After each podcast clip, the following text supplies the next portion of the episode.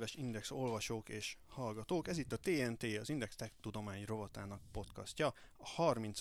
epizódunkat halljátok, a mai témánk pedig a közösségi médiában észlelhető liberális vélemény diktatúra, és hogy ezt szó szerint, hogy ironikusan kell érteni, az remélhetőleg az adásunk végére kiderül, vagy legalábbis egy kicsit tisztább lesz. Mai vendégünk Török Bernát, jogász, a Közszolgálati Egyetemen működő Információs Társadalom Kutatóintézet vezetője, akinek a kutatási területe éppen a szólásszabadság és az információs társadalom, szóval biztos nagyon okos dolgokat fog nekünk mondani ebben a témában. Beszélgető társam Bolcsó Dániel lesz, én Hanola Zsolt vagyok. Hogy miért uh, izgalmas, meg miért forró most ez a téma, mondok egy pár hírt, ami mostanában történt az interneten. A Redditen 2000 subredditet, ilyen fórumcsoportot tiltottak be, többek között a The Donald nevűt, aminek 800 ezer tagja volt, és ez az amerikai elnöknek a legnagyobb ilyen támogatói, rajongói ö, csoportja volt a neten. A Facebookot a mai napig hirdetési bolykot sújtja, most már több mint ezer cég csatlakozott ehhez, olyan nagyságrendű cégek, mint a Coca-Cola vagy a Starbucks. A YouTube-on több millió követős csatornákat tiltanak ki, jellemzően rasszizmus, fehér felsőbbrendűség hirdetése miatt a Twitch, ami alapvetően videójátékok streamelésével foglalkozik, betiltotta Donald Trump az amerikai elnök csatornáját. Az egy más kérdés, hogy mit keresett ott egyáltalán az amerikai elnöknek a csatornája, de ebben most nem fogunk belemenni. Szóval elég súlyosan áll a bál, azt fogjuk most majd kideríteni, hogy ez, ez jogos-e, vagy csak hiszti, vagy, vagy forradalom zajlik éppen. Kezdjük egy kicsit távolabbról az egészet. Ugye az alapvető konfliktus az itt az, hogy ezek a közösségi oldalak, ezek magáncégek, magán pénzből építették fel őket, vitték sikerre őket. Alapvetően ők úgy korlátozzák az ottani emberek szólásszabadságát, ahogy akarják. Ott van egy szabályzat, amit elfogad mindenki, aki oda belép, és aztán ha nem tetszik, maximum megy máshová. Az ellenér ezzel szemben általában az, hogy egyszerűen ezek a cégek túl nagyra nőttek már, és túlságosan átszövik a, az emberek mindennapjait, és, és igazából ilyen közműnek lehetne őket már tekinteni, mint a, mint a szennyvíz szolgáltatást, vagy az áramot. Hát hol van itt az igazság? Az igazságot azt elég nehéz megtalálni. Érdemes azzal kezdenünk ezt a beszélgetést is, hogy amiről itt most beszélgetni fogunk, az egy, az egy tényleg nagyon összetett probléma halmaz. Tehát nem csak úgy elsőre tűnik annak, hanem hogyha az ember kutatóként elkezd vele foglalkozni, akkor, akkor utána is annak tűnik. Nagyon sokféle problémát vetnek fel a közösségi média platformok, mi egy aspektusból fogunk itt ma beszélgetni, ha jól tudom, ez a szólásszabadság alapvetően. De nyilván más fontos aspektusai vannak, amelyek egyébként a probléma megoldásának, amiket sokszor felvetnek szerves részei, versenyjogi megközelítés, a hálózati hatásoknak a, a csökkentése, monopól helyzeteknek a megszüntetése. Tehát fontos leszögezni, hogy mi egy aspektusról beszélgettünk, ez egy nagyon izgalmas aspektus, és ez önmagában is nagyon összetett és itt már a konkrét kérdésedre vagy felvetésedre, ha ki akarok térni, nincsen mindenre kiterjedő válasz még a szólásszabadság kérdései körében se szerintem a közösségi médiával összefüggésben. Tehát amit a közösségi média üzemeltetők, platformok csinálnak, nyújtanak és csinálnak, szolgáltatásaként nyújtanak a felületeiken, az nem egy homogén massza. Tehát rendkívül sok funkció az, amit ö, nyújtanak, és ezek a funkciók különböző hatással vannak az egyéni életünkre, közösségi életünkre és a társadalmi nyilvánosságunkra, társadalmi életünkre is. És a, az egyes válaszainkat e szerint el kell tudni különíteni, én azt gondolom, tehát eleve egy finom hangolt módon érdemes hozzányúlni. És ebből az következik, hogy igen, ezek a média platformok, ezek alapvetően magáncégek. Ez tényleg ez a kiinduló pont, ezt kár lenne tagadni, és egy nagyon széles körben e szerint szabadon szabhatják meg, hogy mit és hogyan csinálnak.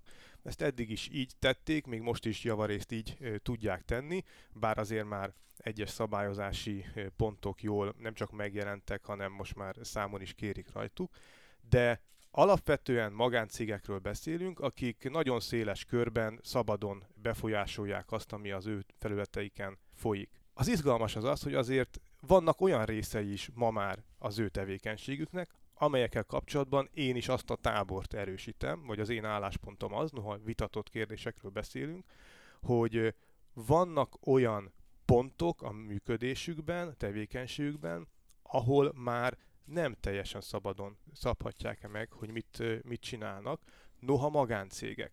Nagyon érdekes rögtön az elején megemlíteni, hogy itt viszonylag markánsan különbözik az amerikai megközelítés, a, ugye ezeknek a cégeknek a javarészt ezeknek a cégeknek a, a hazája, az otthoni megközelítésük, és egy, és egy európai, most már hagyományosnak mondható európai megközelítés.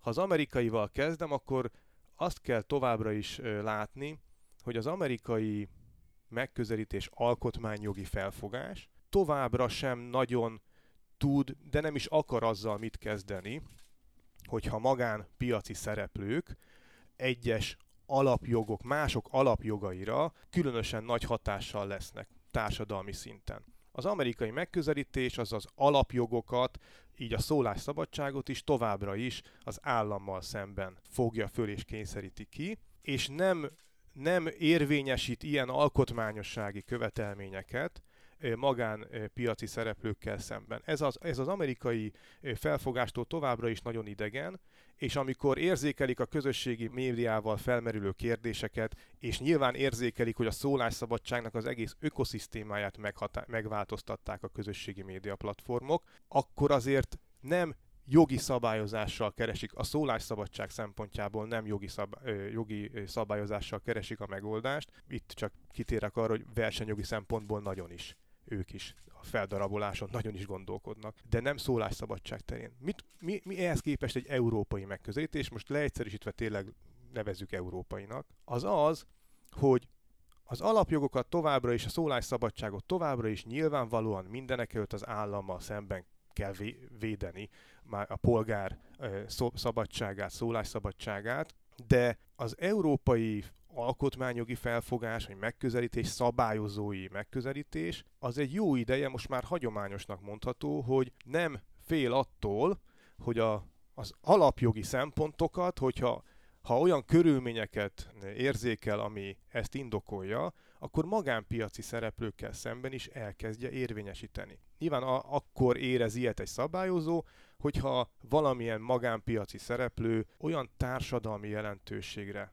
tesz szert egy alapjogilag releváns körben vagy területen, aminél már már mi Európában elkezdünk azon gondolkozni, akkor itt alkotmányossági szempontból is teendő van, vagyis jogi szabályozással kell azon polgárok jogait is valahogy védeni, akik ezekkel a nagyra nőtt vagy nagy hatással, társadalmi hatással működő szolgáltatókkal kapcsolatba lépnek. A közösségi média platformoknál hogyha Európában nézzük őket, akkor, akkor ez a helyzet ma már. Magánpiaci szereplők, magáncégek, nagyon sok területen továbbra is csinálják csak azt, amit szeretnének, de éppen mivel a, a jelentőségük ö, nagyon megnőtt a, abban a tekintetben, hogy nagyra nőttek, és akarták vagy nem, hát nyilván azért, azért akarták, hiszen ők alakították a, a fejlődésük pályáját, a társadalmi nyilvánosságunknak egy egészen megkerülhetetlen szereplőivé váltak.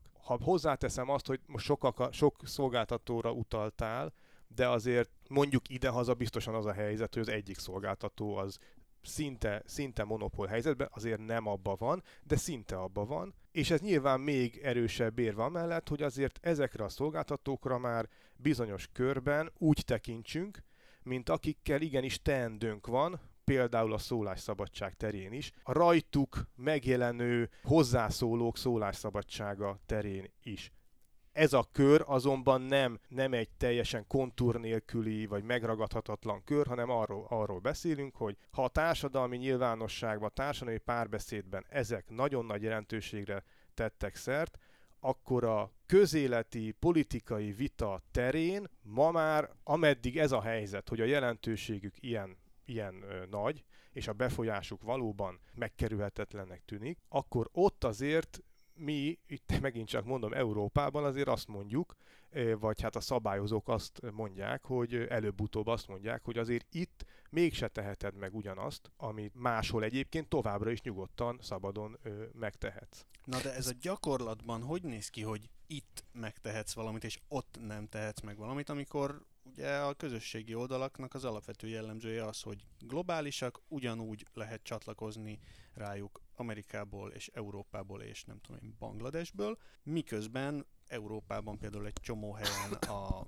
mondjuk a holokauszt tagadás az egy olyan bűncselekmény vagy, vagy szabályszegés, amit Amerikában, ahol ezek a cégek laknak teljesen ismeretlen. A világon van egy csomó hely, ilyen keményebb monarchiák, ahol a felségsértés az, az börtönnel büntethető valami, ez szintén teljesen értelmezhetetlen, mondjuk Amerikában. Hogyan lehet ezt a határok nélküliséget a gyakorlatban valahogy kezelni? Nyilván nagyon nehezen, és vannak olyan kihívások, amelyek szinte kezelhetetlenek tűnnek például, amikor mondjuk nem demokratikus országok államainak a elvárásairól beszélünk, de mondjuk, hogyha most egy kicsit leegyszerűsítjük, ez elsőre leegyszerűsítjük, és azt mondjuk, hogy a demokratikus berendezkedésű országokra nézünk, akkor azért azt is látni kell, hogy ez egyébként egy kicsit elkezdett működni. Tehát a maguk a, maguk a szolgáltatók, mondjuk a, face, a legnagyobbak, egy Facebook meg a Twitter, azok azok elkezdték az egyes országok általuk akcept, egyébként akceptálható elvárásainak eleget tenni, tehát mondjuk ma, amikor egy német felhasználó használ egyes média platformokat, ott rá más szabályok is vonatkoznak, és más moderálási szabályok vonatkoznak, mint az amerikaira. Tehát azért a maguk a szolgáltatók is reagáltak arra, hogy hogyha globálisan működnek, és sok országban működnek, akkor ezzel valamit tenniük kell, és Egyébként technikailag, noha valamikor az internet megjelenésénél ugye onnan indultunk, hogy ez a korlátlan szabadságnak a tere, egyrészt mert annyi lehetőséget nyújt, másrészt meg technikailag sem lehet fülön csípni, ami ott folyik. Az utóbbi nyilvánvalóan látjuk, hogy gyakorlatban ez nem így van, tehát ö, alapvetően egyébként a technikai lehetősége az, az megvan annak, hogy, hogy bizonyos szempontból az ország határokat figyelembe vegye egy ilyen szolgáltató. Megint mondom, hogy ezt, ezt ők is elkezdték. És miért? Szerintem azért kezdték el ők is, mert azért ez eléggé életszerű, hogy ezt bizonyos tekintetbe oldják meg. Arra gondolok, hogy, hogy azért az vitathatatlan, és hát ők is maguk útján a másképp a Facebook, meg másképp a Twitter, de arra is reagálnak, vagy főleg az utóbbi hetek történéseit, meg vitáit látjuk, hogy igyekeznek arra reagálni, hogy az ő tevékenységük, erről az előbb is már beszéltem, az a társadalmi vitára nagyon nagy hatással van. Na most ezek a társadalmi viták, ezek a demokrácia vitái, már pedig a demokrácia az egyelőre alapvetően országhatárok belüli dolog. Tehát a, egy, egy társadalomnak a demokratikus vitája az egy adott társadalom demokratikus vitája, és hogyha ha egy szereplő megjelenik, aki erre nagy hatással van, az előbb vagy utóbb nem teheti meg, hogy vagy magától reagál erre, vagy jó eséllyel a, a, az országok fogják kikényszeríteni, mert azért azt ölbetett kézzel aztán józan ész szerint nem lehet ö, nézni, hogy van egy szereplő, aki a mi demokratikus társadalmi vitánkban egy nagyon fontos szerepre tett szert. Ez egy, ez egy értéksemleges kijelentés most a részemről, nem jó vagy rossz, hanem egyszerűen tény megállapítás. Akkor az, a mi, az, az valamilyen szempontból a mi demokratikus társadalmi vitánk. Tehát a, az amerikai az teljesen más, mint úgy általában az európai, de Európán belül is egy német, demokratikus vita az más, mint egy magyar demokratikus vita bizonyos pontokon. Ezért az az életszerű, hogy erre reagáljon. És egyébként ezt el is kezdték eh, csinálni. Az országok meg a szabályozók pedig egyelőre keresik a módját, hogy mit kezdjenek azzal, hogyha ez nekik nem elég, mert nyilván az, az, egy, az egy nagyon nehéz kérdés, hogyha ha valami nem elég egy, egy szabályozónak, akkor, akkor hogy esik nekik, mert azért ez nem csak jogi kérdés, nem, nem csak alkotmányossági kérdés, hanem egy politikai kérdés, hogy mit tud kezdeni egy Facebookkal, amit a polgárai használni szeretnének, globálisan szeretnének használni, tehát nem elveszteni azt a lehetőséget, hogy ezek globális platformok, úgyhogy föl van adva lesz a szabályozónak, itt most bizonyos alapvető szempontokra utaltam csak itt első körben. És egyébként a szabályozói oldalon is tudják kezelni ezt a ezt a különbséget, amiről beszéltél? Tehát arra gondolok, hogy például adatvédelmi oldalról, ami egy más téma, csak analógiaként említem, gyakran fölmerül, hogy Európa a GDPR-ral, sokkal nagyobb adatvédelmi szigorral példaként szolgálhat az amerikai szabályozóknak is, és Amerikában a kritikus hangok gyakran lobogtatják az európai adatvédelmi szabályozást, hogy valami ilyesmit kéne nálunk is. Ezen a téren is fölmerül, hogy a szigorúbb, vagy a, vagy a magáncégekre a jobban kiterjesztő, az, ezeket a szólásszabadság védelmére szolgáló szabályozásokat jobban kiterjesztő európai szabályozokat követni Amerikában, a példájukat? Felmerülni biztosan fölmerül, ugye már ott is látunk konkrét lépéseket, tehát ugye a Európában a videó megosztó platformokat már, már bevonta a, az Európai Unió a, az audiovizuális média szolgáltatásokat szabályozó szabályozási körbe, tehát ott is már, már ez, itt már Európa megint lépett egyet. Az, hogy Amerika ezt mennyire fogja követni, azért én ott szkeptikus vagyok, tehát ott azért nagyon, nagyon, nagyon nagy különbségeket látok a megközelítésben Amerikában meg Európában, mint hogy utaltam rá. Az adatvédelmi szabályozás egyébként nem rossz példa vagy analógia, ott tényleg lépett egy nagyon markánsat Európa, és azzal, azzal eléggé bedobott egy, egy követ a, a, a pocsolyába, amivel Amerikában is elkezdtek foglalkozni. Tehát ilyen értelemben biztos, hogy, hogy hatással vagyunk már egymásra, de hogy azért Amerika, Amerika mennyire követi, abban nem vagyok biztos. Ami biztos, én pont Amerikában voltam, amikor a, a GDPR elfogadása történt meg, amikor a Google Spain döntés megszületett. Az a, az a döntés, ami arra kötelezte a Google-t, hogy a találat, a right to be forgotten elfeledéshez való jog első európai döntése. Hát én ott, ott megéltem magam körül, én kint kutatóként voltam Amerikában, hogy, hogy egyszerűen fölkapták a, a fejüket, hogy na te jó ég, na most eljött a pillanat, amikor, amikor nekünk tényleg kezdeni kell valamit azzal, ami Európában folyik, mert ez ennek mostantól tétje van. Tehát, hogy elkezdik figyelni, elkezdenek alakulni hozzá. Hát ezeknek a nagy globális cégeknek a politikáját mondjuk a GDPR ma már alapjában meghatározza Európában. És biztos, hogy nem lesz hat, hatás nélkül azon túl se azért, mert nekik egyszerűbb úgy szabályozni a maguk, maguk tevékenységét, hogy amennyi lehet közös pont, az legyen közös pont, és nem mindenhol külön-külön kelljen belenyúlni. De azért nem hiszem, hogy a különbségek itt eltűnnének, tehát én a magam alkotmányjogi szabályozás alapjait vizsgáló szemszögéből úgy látom, hogy azért ott olyan jelentős különbségek vannak továbbra is Európa meg Amerikában, hogy Amerika próbál majd ezzel valamit kezdeni, a cégek, meg a, meg a kutatók is valamit mondani arra, ami Európában folyik, de szerintem követni egy az egybe azért biztosan nem fogják. Egy nagyon izgalmas téma mostanában az, hogy a politikusok mit művelnek a közösségi médiában, és hogy ő, őket ott megilleti-e valamilyen különleges státusz éppen azért, mert hogy ők ö, politikusok, döntéshozók.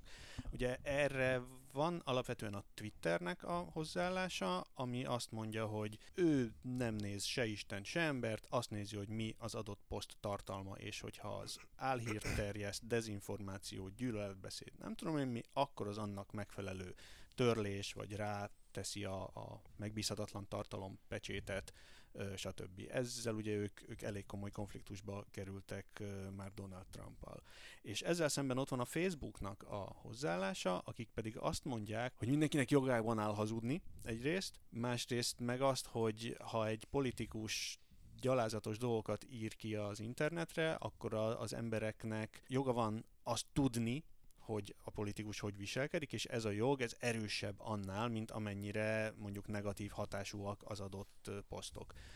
Melyik hozzáállást látod te követendőnek, hogy létezhet-e egy harmadik út, ami, ami jobb? Én abból indulnék ki, amit a szólásszabadság körében nagyon szeretünk emlegetni, és jogosan, és eddig is mondjuk az elmúlt évtizedekben abszolút meghatározó szempontrendszere, vagy szempontja a szólásszabadság kérdéseknek, hogy tudnélik a politikusoknak többet kell elviselni. Ahol, ahol ugye kvázi a politikus a, a, az, akinek el kell viselni, tehát a, akit éri a vélemény, akit ér a bírálat, többet kell elviselni, nem minden, de, de szinte mindent. Tehát a közéleti vitában egy politikusnak szinte mindent el kell tűrnie, ami az ő szem, tevékenységét érintő kritika, bírálat, vélemény, sok esetben még tényállítás is, akkor is, hogyha az nem teljesen precíz vagy pontos. Miért van ez? Azért van ez, mert ennek több, több alkotmányjogi érve van. Az egyik az az, hogy mert maguk döntenek úgy, hogy bemennek ebbe az arénába, tehát akkor nagyobb türelemmel legyenek a, ami őket ott éri. De vannak olyan további érvek, itt most kettőt említenék, amelyek nem csak ebben a felállásban relevánsak. Az egyik az az, hogy a politikusnak a kijelentéseit, vagy az, ugye az őt értő kijelentéseket, azt mindenki másnál intenzívebb vita követi utána. Tehát a, a, azért a politikai vitánk az arról szól, hogy a politikusok mondanak valamit, és akkor utána, utána nagyon sokan mondanak még arra további dolgokat. Egyszerűen egy intenzív, felfokozott vita helyzetről beszélünk, amikor politikusok vitatkoznak egymással, vagy közéleti szereplők vitatkoznak egymással. Ez úgy is ér, hogy amikor egy politikust bírálnak, akkor ő ne nyafogjon abban az értelemben, hogy jogi eljárásokért akar menni, hanem használja ki a számára tényleg meglévő lehetőségeket arra, hogy ellenvéleményét is kifejtse és megvédje magát de amikor ő mond valamit, akkor is igaz, hogy, hogy arra utána rengetegen tudnak reagálni, nagyon nagy figyelem van azon, amit ő mond, az nem tud csak úgy, úgy elsikkadni valahol, vagy a, vagy a szőnyeg alá ö, söprődni, hanem ott másoknál sokkal intenzívebb vita követi azt, amit ő mond. Ez az egyik fontos érve. A másik, ami szerintem a most általad felvetett kérdéskörnél is számít, hogy a politikusok kijelentéseit egy plurális nyilvánosság keretei között eleve másképp értjük, eleve másképp értelmezzük. Tehát most kár lenne nem hipokrita módon ezt nem így venni, de egyszerűen a, egy demokratikus nyilvánosság keretében az emberek azok előbb-utóbb, most már Magyarországon is azért 30 éve demokratikus nyilvánosság közéleti vita keretében élünk, és az emberek megtanulják ennek a szabályait, és az egyik működési szabálya az az, hogy tisztában vagyunk azzal, hogy amikor egy politikus beszél, akkor egyfajta érdek alapján beszél, egyfajta irányban értelmezi a valóságot, és politikai célja van annak, hogy valamit mond. Tehát eleve egy más értelmezési keretbe kerül, amit egy politikus mond, mint amit egy szakértő mond, vagy egy átlagpolgár mond. Ebből számomra, és akkor most eljutottunk a válaszig, számomra az következik, hogy igen, külön kategória. Tehát amikor a politikusok vitatkoznak, és nem csak leszűkítve a politikusok, hanem amikor a politikai vita kellős közepén vagyunk, ott általában nyilván politikusok vitatkoznak,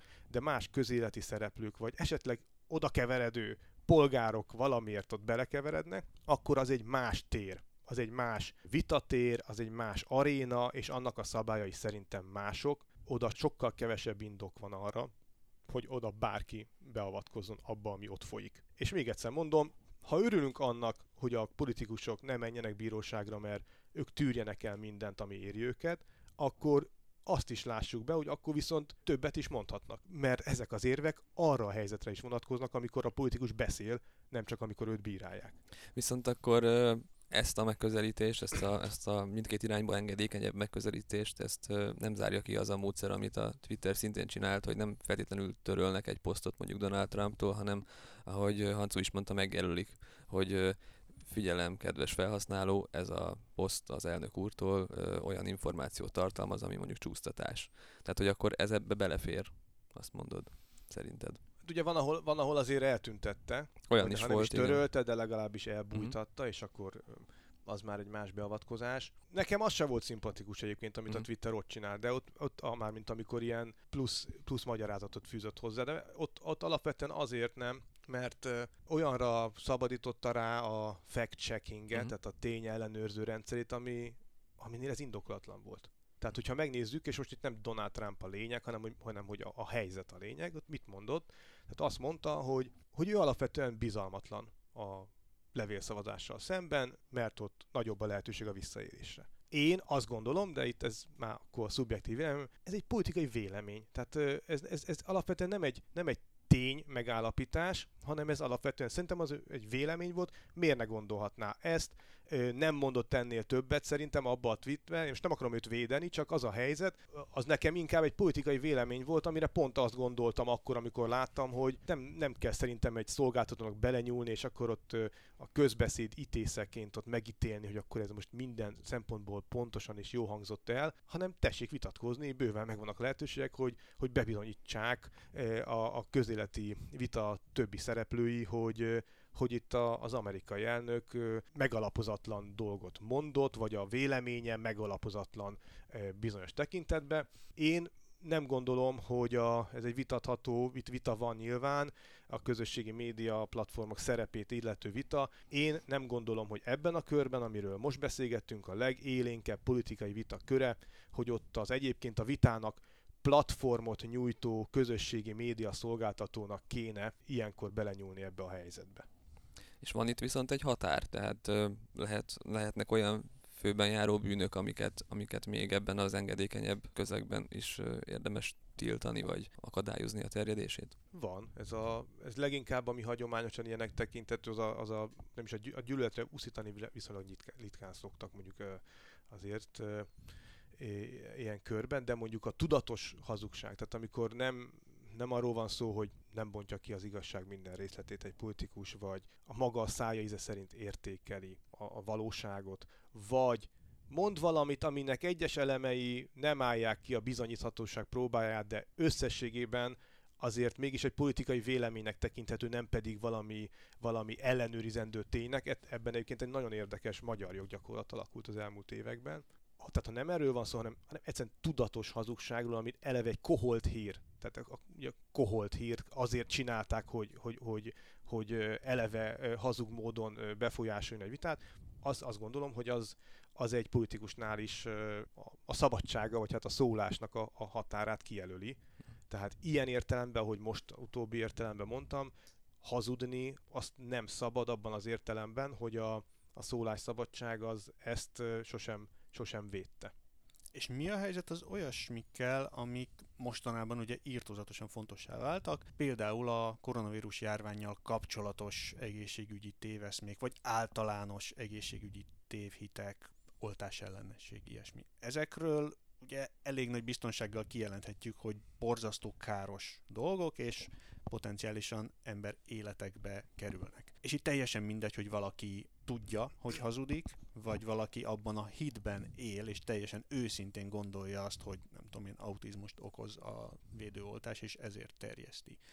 Az ilyesmiknek a, a korlátozása az, az hogyan áll a, a szólásszabadsággal? Kiterjed-e a szólásszabadság az ilyesmikre? A szólásszabadság az egy, az egy nagyon izgalmas dolog. És az egyik legfőbb izgalma az az, hogy igazából nagyon kevés kivételt leszámítva nincsenek mindig minden helyzetben igaz válaszok, vagy helyes válaszok. Tehát az, hogy egy bizonyos tartalmú mondás, vagy szólás, beszéd, az az mehet-e vagy nem, erre igazából nagyon-nagyon szűken lehet egy igennel vagy egy szimpla nemmel felelni, mert pont az a szólásszabadságnak az egyik lényege, hogy alapvetően azért nem a tartalom alapján szabályozunk, hanem, hanem hogy az a tartalom bizonyos kontextusban milyen hatással jár. Ha, ha az oltás ellenesének ezt a példáját nézzük, akkor alapvetően egyébként az oltásokról vitatkozni, és akár még butaságokat is mondani, az egyébként béke időben azt gondolom, hogy beletartozik a a, közé, a társadalmi vitába. Egy egészséges, vagy valamilyen szinten egészséges társadalmi vita, az azért tud mit kezdeni úgy általában békeidőben a, a butaságokkal, akkor is, hogyha ha az az oltásokat érinti, az egészségünket érinti. Viszont ami azért az elmúlt hónapokban volt, az egy, az, az egy speciális helyzet volt. Tehát a szólásszabadság az mindig, hát a lényege az a szabályozásának, hogy, a, hogy nem a tartalomra, hanem a kontextusra a, a, a, reagálsz. Arra reagálsz, hogy egy adott beszéd hol, mikor, milyen körülmények között ö, hangzik el. Ha mondjuk az oltás ellenesség, vagy, a, vagy egy betegség terjedésével kapcsolatos butaság azért egy olyan helyzetben hangzik el, ahol éppen nagyon nagy tétje van, annak ö, napi szinten tétje van, mert éppen egy járvány, egy, egy, egy pandémia kellős közepébe vagyunk, ott nem fér bele. Tehát ott akkor, amíg ez a helyzet, addig egy, egy különös figyelem van ezen, és ha valami tényleg, tényleg reális veszélyét hordozza annak, hogy a járványra itt tömegek elkezdenek bután reagálni, meg, meg téveszmék alapján cselekedni, és ez, ez nehezíti a mindennapi életet, illetve a, a járványnak a járványhelyzet megoldását, akkor arra, amíg ez a helyzet fennáll, másképp lehet reagálni, mint egyébként békeidőben, amikor, amikor ezek beleférnek. Mindez vonatkozik akkor a, a magyarországi rémhírteljesztéssel kapcsolatos ö, szabályozásra is, amit sok vita övezett. Szerintem szerint. vonatkozik, igen. Az előbb beszéltünk a politikusokról, döntéshozókról, mint kivételezett kör a közösségi médiában. Most a skála túlsó végét nézzük meg a totál átlag embereknél. Ha például én a saját pár száz követős Facebook oldalamon törlök egy kommentet, mert nem tetszik, vagy az Indexnek a, a Facebook oldalán, ahol adni vagyok, törlök egy kommentet, mert úgy gondolom, hogy nem oda, nem oda való. Ezzel én az illetőknek megsértettem a szólásszabadságát, és ad abszurdum törvényt sértettem, tehát akár bíróság elé vihet. Egy, egy csomóan szoktak ilyennel fenyegetőzni egyébként, és iszonyú vicces lenne egy ilyen per egyszer, de hát soha nem került még erre sor. De mi lenne, ha igen? Nem, tehát azért, ha te a Facebook oldaladon törölsz egy, egy nyilván egy hozzászólást, akkor azzal nem nem sértesz jogot. De Péld- miért? Például Tehát azért meg- nem, például a helyzet teljesen különbözik. A te Facebook oldaladon te vagy a beszélő, tehát az a te Facebook oldalad. Ugye a, a platformok moderálásánál a kiindulási alap az, hogy ott nem ők beszélnek. Az, az nem az ő szólásuk, ami ott folyik, hanem ő néha beleszól. Ami a te Facebook oldaladon folyik, meg ami az Index oldalán folyik, az az Index szólása, vagy a te te, a, a te szólásod. Tehát ott, ott te, te megszabod, hogy ott mi kapjon nyilvánosságot, mi legyen közzétéve. Tehát te, a, itt, itt egy alapvető különbség, különbség azért, azért van. A másik pedig az, hogy azért te, hogyha most magánemberként beszélsz a Facebook oldaladról, ott nem éred el azt a szintet, hogy társadalmi hatás vagy ilyesmi szempontjából, hogy, hogy bejöhetne bármilyen más érv, mint az, amellett, hogy, hogy te szabadon, magánemberként szabadon megszabod, hogy a te lakásodba ki hogy jön be, meg a te Facebook oldaladra ki hogy jön be. Tehát ott nincs, ott nincs plusz érv amellett, hogy, hogy erre másképp kéne reagálni. Úgyhogy ott azt gondolom, hogy teljesen, teljesen szabad, mert egyrészt alapvetően te szabod meg a szabályokat, mert, mert te vagy a beszélő, a te Facebook oldalad, a te Facebook oldalad, rajtad fogják jó esetben számon kérni, hogy ott valami olyan történik, másrészt meg te megteheted, nincsen olyan társadalmi érv sem jelentősége annak, ami ott folyik, hogy, hogy ne tehetnéd meg. És akkor ezt viszont visszakötve a korábbi témához, hogy a közszereplőknek, politikusoknak vastagabb hogy kell, hogy legyen a bőrük. Mondjuk, hogyha egy közszereplő, például egy politikus csinálja ezt, tehát ő mondjuk kiír valamit, és akkor ott megjelennek ellenvélemények, akár random állampolgároktól, akár más politikus oda kommentel, és ezt törli, akkor ez, ez egy másik eset, vagy ugyanúgy ez vonatkozik rá is? Nem, pont, igen, ezt pont akartam még mondani, hogy az egy másik eset, arról van is amerikai bírói döntés, hogy a Trump Ja, törölte valamelyik hozzás, és, és ezt nem tehette meg, mert az, az ő Twitter oldala, az már egy public fórum, ahogy ők mondják, Mhm. tehát az már egy a közvita szintere.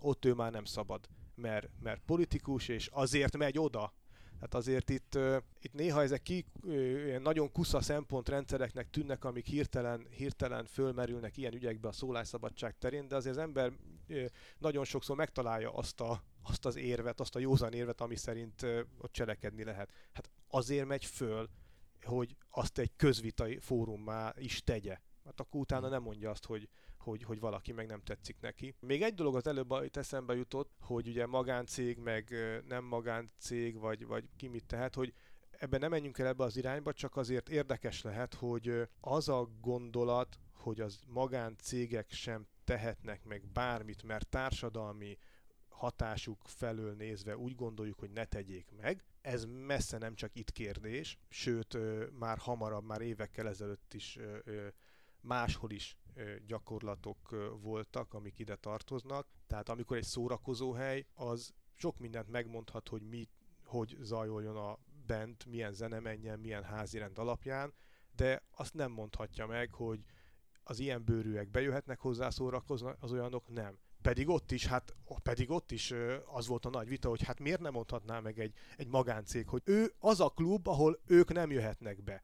Hát mert mi meg azt gondoljuk társadalmi oldal felől nézve a szabályozást, hogy a diszkriminációnak bizonyos eseteit azt a szórakozóhelyeknél sem gondoljuk engedni. Tehát abból például lehetne egy nagyon tanulságos próba per, hogyha, és ez nagyon sokszor előfordul, hogy valamilyen politikus vagy közéleti szereplő körül kialakul valami botrány, és erre azzal reagál a nép, hogy az ő Facebook, Twitter, Instagram, akármilyen oldalára oda megy, és hát keresetlen szavakkal illeti, és ezek a kommentek általában rettenetes géppuska tűzben szoktak elpusztulni. Ami, ha jól értem, amit mondasz, egy, egy szólásszabadságot sértő és jogtalan magatartást törölni az ilyen kommenteket. Tehát, hogy e- e- Hát azt- ebből igen, elvileg lehetne egy E- próba tehát el, Szerintem ami... elvileg lehet, ami, amit most itt rögtön ö, lehet mondani, hogy ugye Amerikában volt más világ, de akkor is Amerikában volt, és ott, ott, ott úgy dölt el, hogy ilyet legalábbis az amerikai elnök nem csinálhatott. Tehát azért még az sem biztos, hogy Amerikában mit, mondanak -e, mit mondanának erre, hogyha egy mezei politikus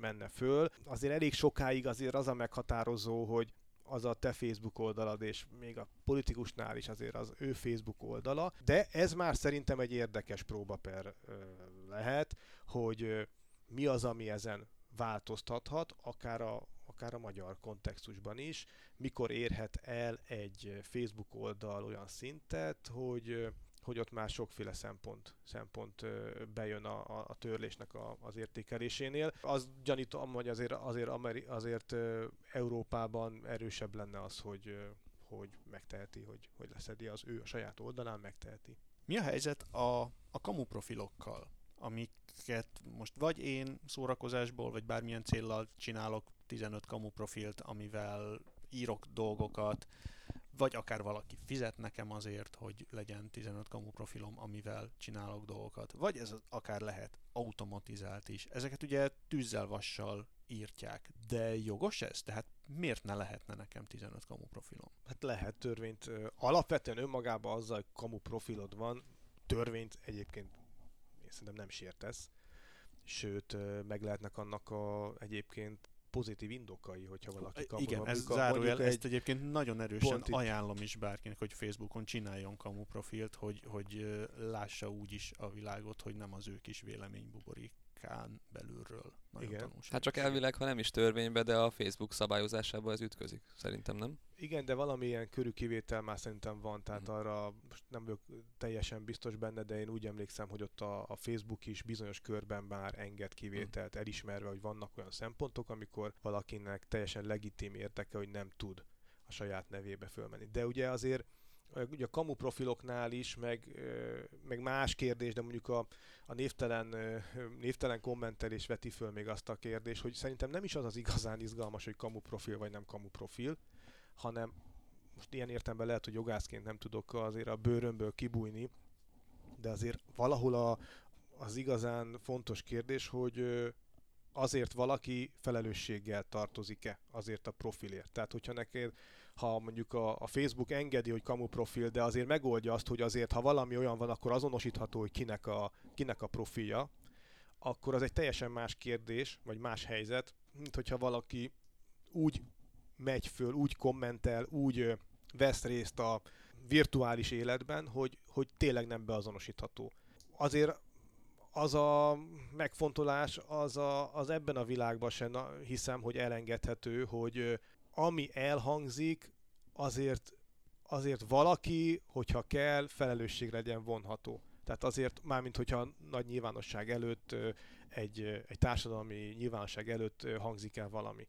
Az, hogy most kamu profil, de azért ha valami van, akkor, akkor azért megvan a felelős, szerintem az, az, az, egy, az egy aggálymentesebb helyzet, jóval, vagy hát felelősség oldalról nézve szinte nem is, nem is aggályos, mint hogyha, mint hogyha tényleg azt, annak enged teret mondjuk egy üzeme, egy platform, vagy, vagy, vagy egy más üzemeltető, ami, hogy, hogy ott ténylegesen beazonosíthatatlan profilokkal, beazonosíthatatlan emberek, vagy ki tudja kik, hozzászóljanak, vegyenek részt, uszítsanak, hazudjanak, dezinformáljanak, mit tudom én.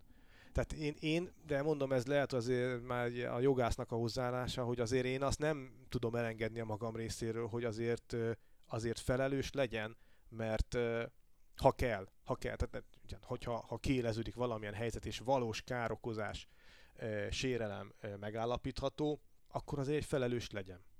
Itt mondjuk megint érdekes kérdés, vagy legalábbis nekem rögtön az jutott eszembe erről, amit mondtál, hogy ö, amik az országhatárokról beszéltünk, hogy a demokráciákban ez így rendben van, de hogyha mondjuk a, nem tudom, arab tavasz ö, folyamán az emberek akarnak kommunikálni, meg ö, a világgal tudatni, hogy éppen ö, mi az állás a forradalmukkal, és ezt álnéven Így van. akarják tenni érthető okokból, és hogy akkor ott viszont nem biztos, hogy olyan jó, hogyha a végső soron mégiscsak lehet valakihez kötni a felelősséget, hogyha gond van. Ez tényleg így van, és ezzel nem is nem tudom, hogy mi- mit lehet innen kezdeni. Mm. Szerencsésebb oldalán a, a világnak ilyen értelemben. Hát nem, fel van adva a lecke a Facebooknak, meg a többieknek, Mm. hogy, hogy, hogy Na de ezt a leckét, ezt, ezt meg lehet oldani? Tehát itt most a Facebooknak, mint egy magáncég kellene konkrétan országokra rásütni, hogy bocs, te diktatúra vagy, tehát nálad engedjük az anonimitást, te viszont demokrácia vagy, nálad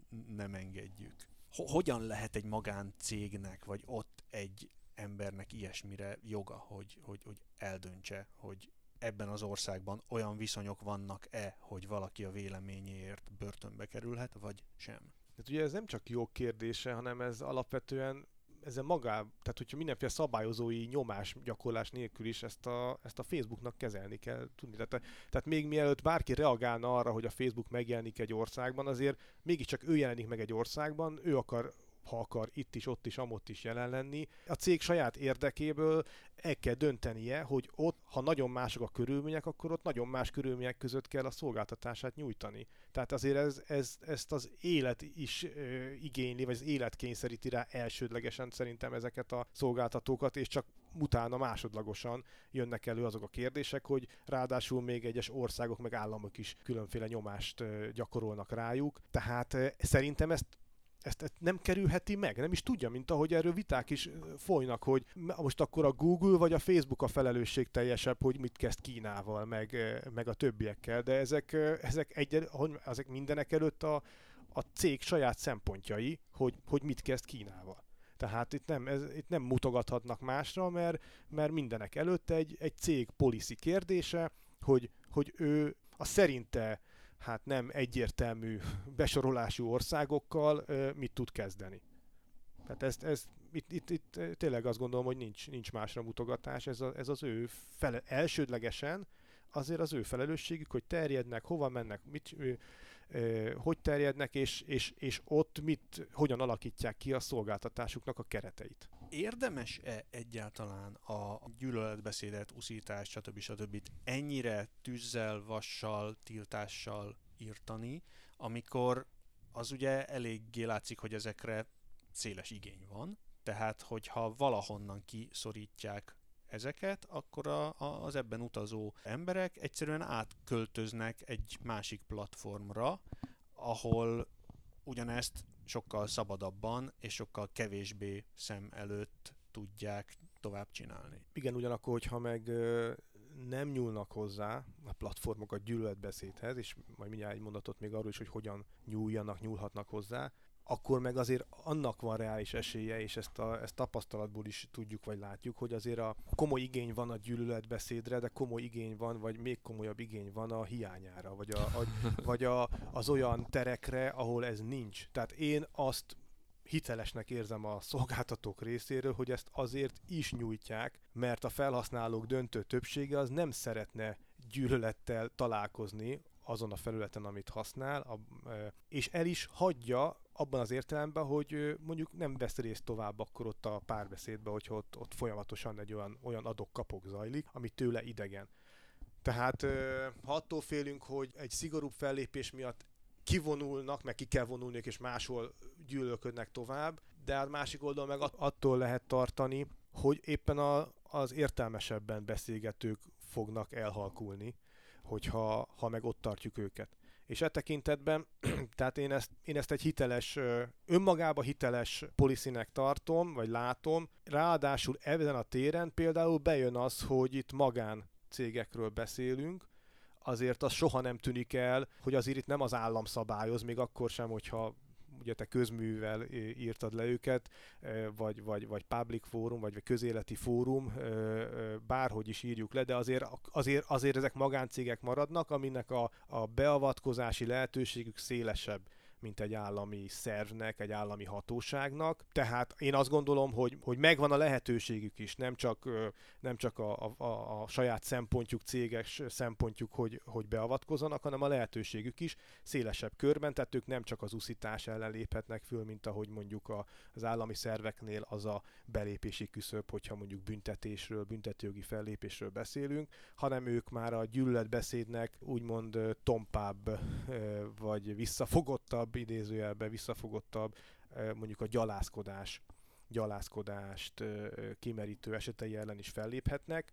Ilyen értelemben szerintem azért van egy nagyobb mozgásterük. Az azért szintén az elmúlt hetek, hónapok történéseiből viszont egyfajta kockázatként kiviláglik, hogy olyan, olyan platformok is vannak, amik, amik azért a gyűlölet beszéd kategóriáját már elkezdenék olyan tágan értelmezni, hogy gyakorlatilag egy, egy bizonyos álláspont képviselete az már, már önmagában olyan sértéssel járna bizonyos csoportokra nézve, hogy, hogy azt írtani kell, hát azt, azt, az már szerintem a társadalmi demokratikus vitánk szempontjából egy, egy, egy káros káros fellépési vagy, vagy beavatkozási, moderálási gyakorlat. Mi a véleményed a trollokról?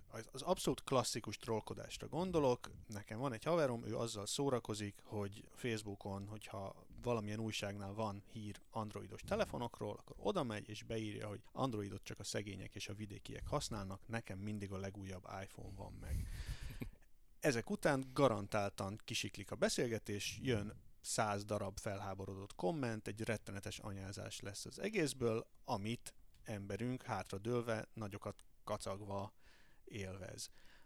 Erősebbe az ő szórakozáshoz való joga, mint annak a száz embernek, akik ott aztán anyáznak, a kultúrált beszélgetéshez való joga. Nem. Tehát bizonyos szempontból, tehát úgy nem, hogy, hogy azért ezek a trollkodások, ezek azért sokszor ugye nem megint csak a, az, hogy nem homogén massza, ami folyik a, közéle, a közösségi médiában. Az, az, az nem egy homogén terület, nem egy homogén, homogén massza, hanem ezek a trollkodások sokszor eleve olyan körben merülnek föl, amik nem is szólásszabadság kérdések. Tehát, hogy ott, ahol olyan körben úgy beszélgetnek emberek, hogy az igazából nem szólásszabadság kérdés. Tehát a szólásszabadságnál, ugye ez nagyon fontos az elején, tisztázni, hogy ez nem mindenfajta beszédre vonatkozik. Tehát eleve a szólásszabadság joga az egy normatív kategória, az, az van, amire vonatkozik, van, ami emberi kommunikációra vonatkozik, van, amire nem is vonatkozik. Tehát amikor otthon beszélgetsz a családoddal, az nem egy szólásszabadság szituáció.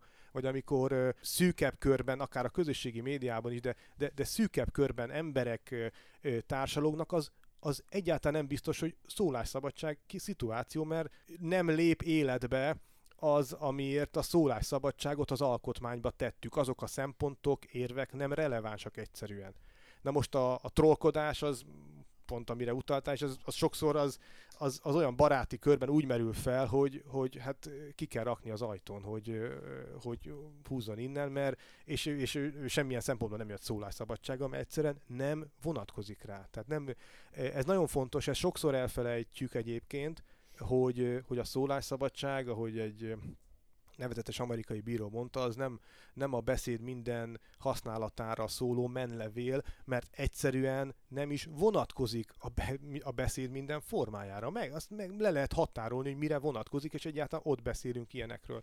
Tehát a, a troll az ebben a körben az ajtón kívülre tehető. Na most, ha viszont tényleg abban a körben beszélgetünk, ahol, ahol ez nem olyan egyszerű kitenni az ajtón, hát ott meg azért akkor tényleg nem olyan egyszerű kitenni, viszont meg ott meg az merül föl, hogyha ha van egy troll, és van tényleg ezer normálisan beszélgető, akkor, akkor az tényleg nem tudja, tényleg, tényleg nem megoldható, nem tudom, kicsit most kérdezem is, de hogy, hogy tényleg az ezer normálisan beszélgető az fel tud ülni egy troll hülyeségének?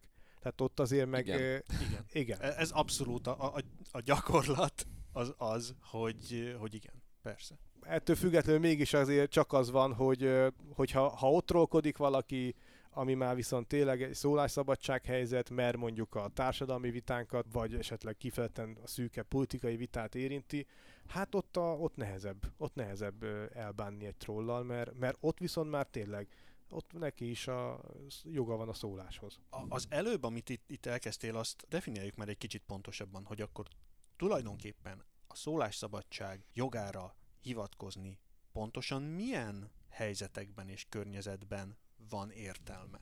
Tehát mi szükséges ahhoz? Az, hogy, hogy nagy nyilvánosság legyen? Vagy, vagy az, hogy, hogy komoly társadalmi tétje legyen annak, amit mondok? Vagy mi, mink ezek az alap követelmények? A szólásszabadság joga az a, alapvetően a társadalmi párbeszédben való részvételre vonatkozik. E, és akkor ennek egy nagyon hosszú gyakorlata lehet, hogy mi, mi az, ami, ami a társadalmi párbeszédben való részvételt jelenti, és így akkor mi az, amire, mi az, ami vonatkozik. Ezért tettük be a szólásszabadságot, az ezért van az alkotmányokban, hogy a demokratikus kereteinkben a társadalmi ügyeinket, amelyek szélesebben értelmezendők, mint a politikai ügyeink, a társadalmi ügyeinket szabadon meg tudjuk vitatni, mindenki hozzászólhasson, mert ez, ezt igényli a demokrácia legitimitása. És ezt nagyon könnyű megmutatni, hogy mikor nem. Tehát amikor mondjuk te elmész, elmész egy orvoshoz, akkor a, az nem szólásszabadság kérdés, az orvos neked milyen tanácsot ad, meg mit mond. Vagy elmész egy ügyvédhez, az sem szólásszabadság kérdés, az ügyvéd mit mond. Nagyon pontosan meg van szabva, hogy az orvos mit mondhat neked, és ha nem azt mondja, akkor a bíróságon hiába fog hivatkozni a szólásszabadságára, e, műhiba per miatt el fogja veszíteni. És ugyanígy a, az ügyvéd is, ha butaságot mond, akkor el fogja veszíteni. És ugyanígy a, a családi asztalnál nem szólásszabadság vita folyik, ha valaki ott mond a másikra valamit, utána értelmetlen is fölvetni, hogy, hogy szólásszabadság. Ami a társadalmi párbeszédhez tartozik, arra vonatkozik, ez nyilván lehet ö, ilyen csatorna kérdése is, vagy kommunikációs csatorna, vagy felület kérdése is, de mindenek előtt egyébként ö, egyébként egyfajta tartalmi kérdés is, hogy nem, nem, tehát egyfajta szituáció kérdése, hogy valami akkor a társadalmi párbeszéd része, része vagy, vagy, vagy nem. Kicsit más téma. A Facebooknál ugye nemrég felállt ez a, ez a legfelsőbb bíróságnak nevezett valami, egy olyan testület, ami, ami azt hivatott hát biztosítani, hogy, hogy a Facebooknál szólásszabadság és mindenféle e, egyéb téren minden rendben menjen, és ez a testület ez teljesen független, és akár még a, a Facebook céges döntéseit, a Mark Zuckerbergnek a, a személyes parancsait is felülbírálhatja. Hogy látod te ezt? Ez egy PR fogás, vagy ez, ez egy, egy olyan lépés, ami, ami felé kellene minden hasonló cégnek mennie, és ez megoldja majd a gondokat? Ez részben biztosan PR fogás, de azért ez más részben viszont szerintem egy, egy okos reakció azokra az elvárásokra, amik itt megfogalmazódtak, és uh, ameddig a, a Facebook uh, tevékenységét egyébként más uh, szigorúbb szabályok nem uh, övezik, addig uh, addig ennek egy, egy teljesen értelmes tere van. Ez az önszabályozásnak egyébként egy, egy szerintem nem, nem értelmetlen próbálkozása, ami ugyanakkor igazából a legtöbb problémára nem, nem ad majd választ. Tehát egyrészt mert, mert eleve csak a törlésekkel foglalkozik, kimondva is csak a törlésekkel foglalkozik, a, a problémák meg ennél sokkal sokszínűbbek. Másrészt pedig mint egy ilyen a cégen belüli, vagy hát egyfajta önszabályozási kérdés, vagy lépés, úgy én ezt nem, nem látom értelmetlennek, mint ahogy mondtam, de ezzel azért szerintem a problémákat sem tudja megkerülni a, a, a Facebook. Tehát ettől még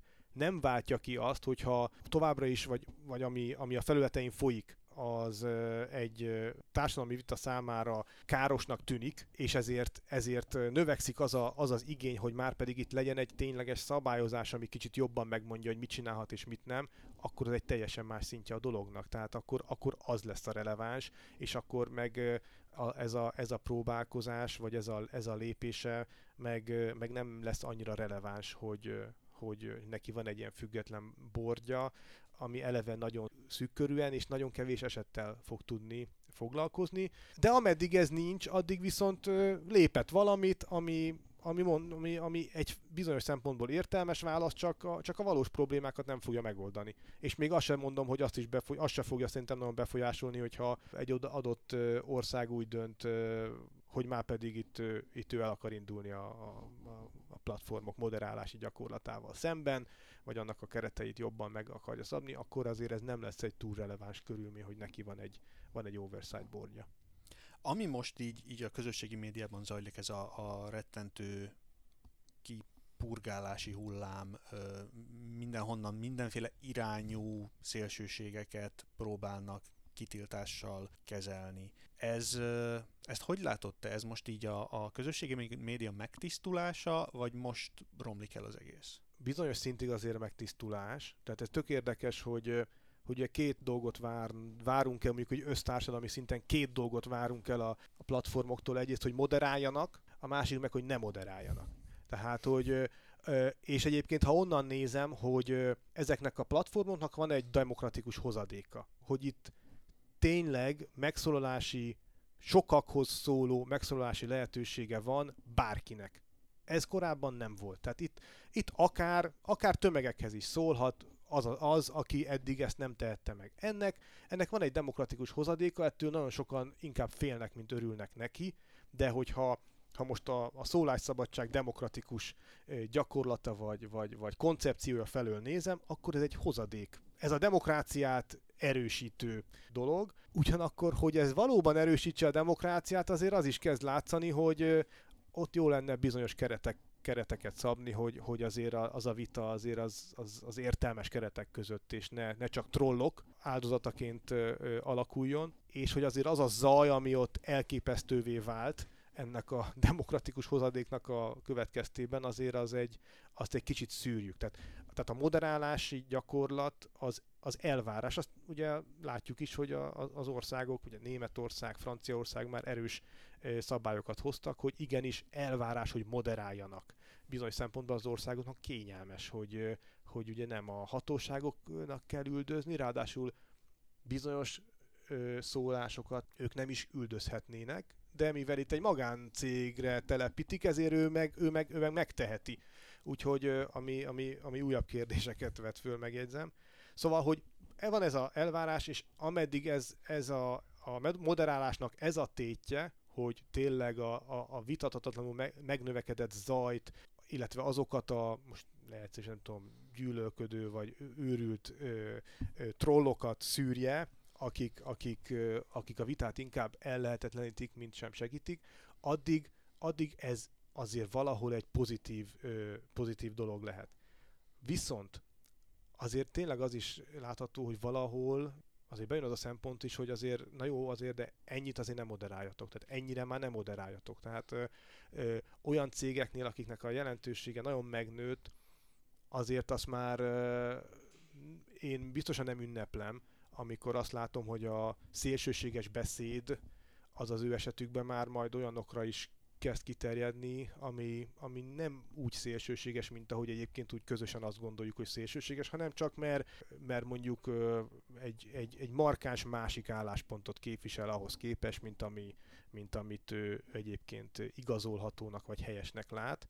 Én nem mondom, hogy ez, ez, ez, ez egyelőre egy óriási veszély, de azért megjelent, és, és nagyon raj, nagy rajtuk a nyomás. Tehát azért pont Amerikát, ha nézzük, azért ott most tényleg van, most nem a platformról beszélve, de ezek a, ezek a társadalmi nyomások azonnal megjelennek a platformokon, hogy ott azért most most tényleg azt látjuk, hogy pont a szólásszabadság hazájában, vagy egyik hazájában soha nem volt még ilyen aggasztó helyzet abból a szempontból, hogy a társadalom egyik része, mint hogyha úgy döntött volna, vagy úgy élné meg, hogy a jövőben nem óhatja elviselni a övétől különböző álláspontokat.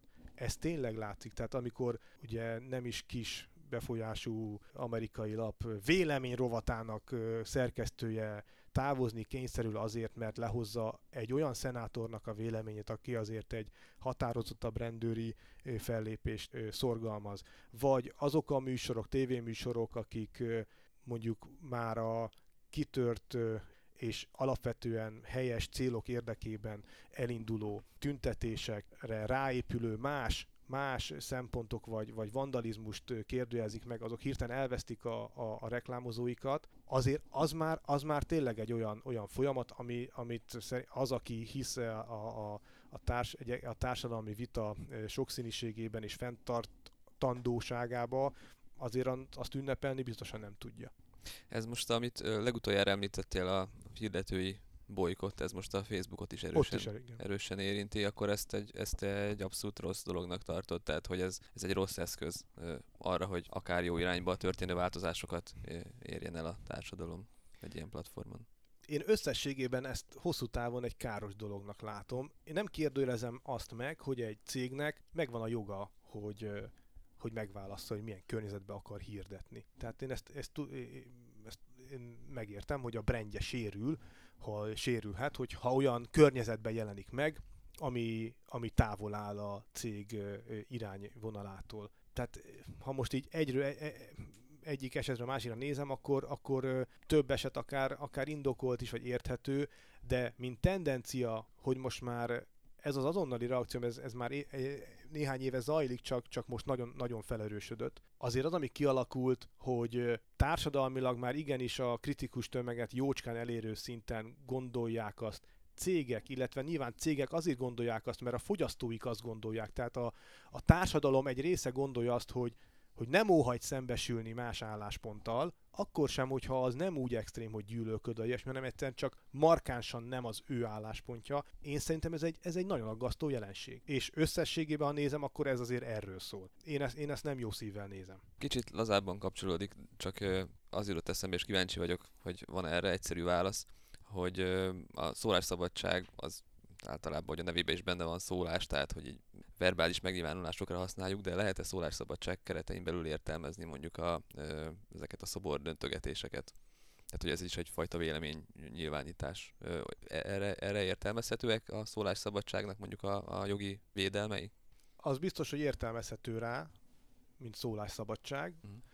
Hogy meg is védi-e, az egy másik kérdés, de ez megint ahhoz kötődik ilyen, amiről már beszéltünk egy kicsit, hogy a szólásszabadság akkor mire vonatkozik, és az, az egy teljesen egyértelmű dolog, hogy minden, minden nyugati bírói fórum azért ezt a választ adta erre a kérdésre, hogy nem csak, nem csak a verbális kifejezéseket érinti, a szobrok pedig pedig kifejezetten valami olyan dolgok, amik szólásszabadság szituációba kerülhetnek. Ugye szobor leöntés, a szobornak a csak, vagy csak lefedése, megdobálása, ezek mind, és akkor, és akkor extrém módon, de hát most nem is annyira extrém módon, hanem, hanem mindennapi módon Amerikában a szobor döntés. Tehát ezek szólásszabadság helyzetek, de az, hogy a szólásszabadság meg is védje, az, az már egy másik kérdés. Azért a rongálás azért az valahol valahol a szólásszabadságnak határát Mm. kijelöli, és akkor ezen lehet vitatkozni, hogy akkor a, a, a lefestés, a leöntése, az, az mikor és milyen körülmények között nem rongálás, és egyébként ö, ö,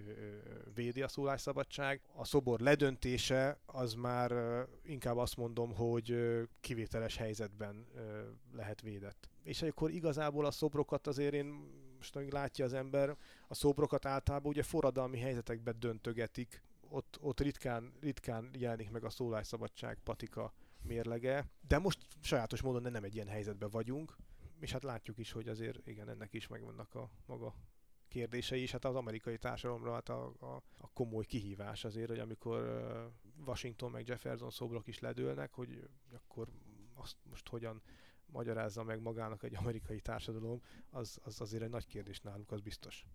Az előbb említetted, hogy a, ami most a közösségi médiában zajlik, az valójában így, így a, a határoknak a, a keresése, vagy kijelölése, hogy meg kell húzni egy vonalat, hogy mi az, ami még belefér, és mi az, ami már káros.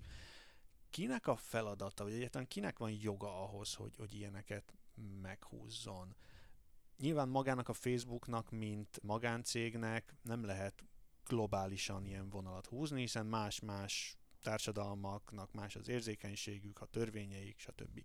Akkor az lesz itt a megoldás, hogy van 200 ország a Földön, azok leadnak 200 féle moderálási vagy értelmezési útmutatót a Facebooknak, és ott a 600 ezer moderátor, vagy egyszer majd a rettenetesen nagyon fejlett mesterséges intelligencia minden egyes helyzetben megnézi, hogy ez a dolog most itt milyen környezetben hangzott el, kimondta kinek, megkeresi a 200 országnak a, a szabályozása közül az odavalót, és azt fogja alkalmazni. Talán nem lesz ennyire extrém, de valami ebből lesz szerintem. Kiindulási pont, hogy a Facebook megszabja hogy ő hogy moderál. Ez oda, oda vezet vissza szerintem, hogy azért arra nem tud nem reagálni, hogy itt különféle demokráciák, különféle országok társadalmi párbeszédére van neki hatása. Oda nem jutunk el szerintem, hogy külön kiskönyvecske sok-sok-sok-sok külön szabályjal, de azért kis könyvecskék már vannak most is. Mondjuk Németországra más könyvecskéje van, mint, mint, mint Amerikára, mert ezt nem tudja megúszni. Alapvetően nyilván a, a, a, az országok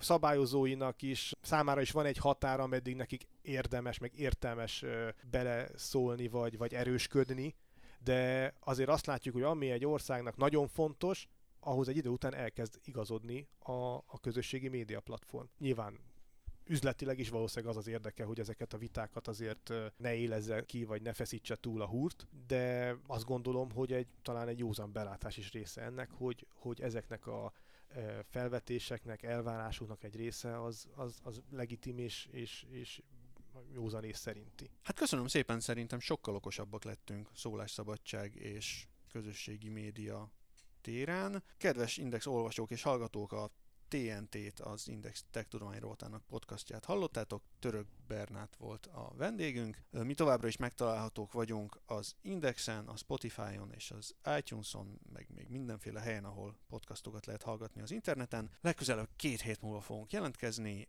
a téma legyen még meglepetés. Sziasztok! Sziasztok! Köszönöm a meghívást!